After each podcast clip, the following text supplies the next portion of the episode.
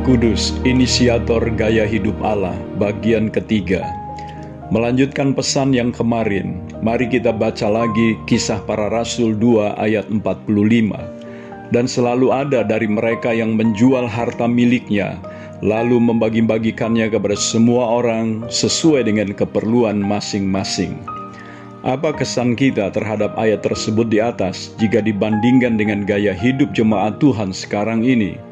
Saya sendiri sering bertanya, mengapa hal yang sedemikian ini sangat jarang terjadi dalam kehidupan berjemaat?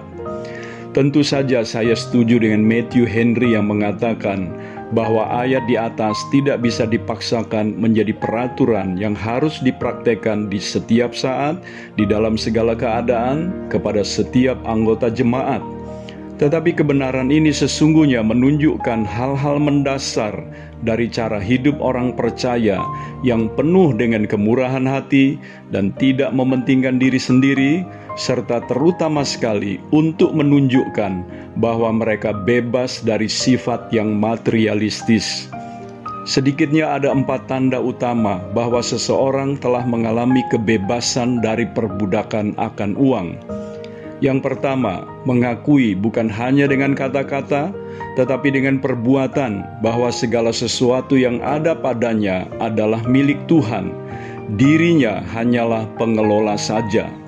Ulangan 10 ayat 14 mengatakan, Sesungguhnya Tuhan Allah mulah yang empunya langit, bahkan langit yang mengatasi segala langit dan bumi dengan segala isinya Jemaat yang mula-mula menyatakan bahwa kepunyaan mereka adalah kepunyaan bersama karena mereka sadar bahwa apa yang mereka miliki sesungguhnya adalah milik Tuhan sepenuhnya.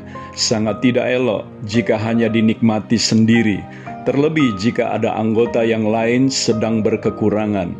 Juga karena kesadaran sebagai anggota keluarga Kristus atau anggota tubuhnya, sehingga jika satu menderita, yang lain ikut menderita. Banyak orang Kristen mudah berkata bahwa semua hartanya adalah milik Tuhan, tetapi mengelolanya menurut kehendaknya sendiri. Ketika saudaranya yang lain berkekurangan dan membutuhkan bantuan, ia menutup pintu hatinya. Yang kedua, mengalami rahasia rasa cukup. 1 Timotius 6 ayat 7 sampai 8. Sebab kita tidak membawa sesuatu apa ke dalam dunia dan kita pun tidak dapat membawa apa-apa keluar asal ada makanan dan pakaian, cukuplah. Rasa cukup datang bukan karena hidup yang berkecukupan, tetapi dari rahasia iman kepada Tuhan. Rasa cukup adalah bukti kuat bahwa seseorang telah puas dengan harta yang jauh lebih baik, yang bernilai kekal, sekaligus membuktikan kesalehan hidup yang sejati. Yang ketiga, memberi tanpa batas. Amsal 21 ayat 26 keinginan bernafsu sepanjang hari, tetapi orang benar memberi tanpa batas. Bandingkan dengan Amsal 11 ayat 24 yang mengatakan bahwa ada orang yang menyebar harta tetapi bertambah kaya. Adalah sebuah kehormatan bagi orang percaya untuk menyebar hartanya bagi kemajuan Injil Kristus dan keselamatan banyak orang. Kepada orang tersebut, hati Tuhan pun tergerak untuk terus menambahkan berkatnya, supaya orang tersebut dimampukan untuk menyebar hartanya lebih banyak lagi, sehingga genaplah firmannya, orang benar memberi tanpa batas.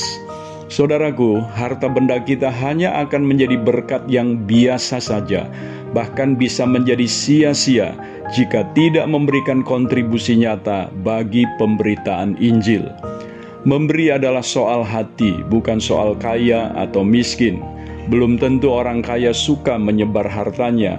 Sebaliknya, ada jemaat yang miskin tetapi kaya dalam kemurahan hati, seperti jemaat di Makedonia. Bacalah 2 Korintus 8 ayat 1 sampai 5. Yang keempat, bekerja sebagai suatu pengabdian kepada Allah bukan demi uang untuk mendapatkan makan dan minum seperti yang dunia ajarkan.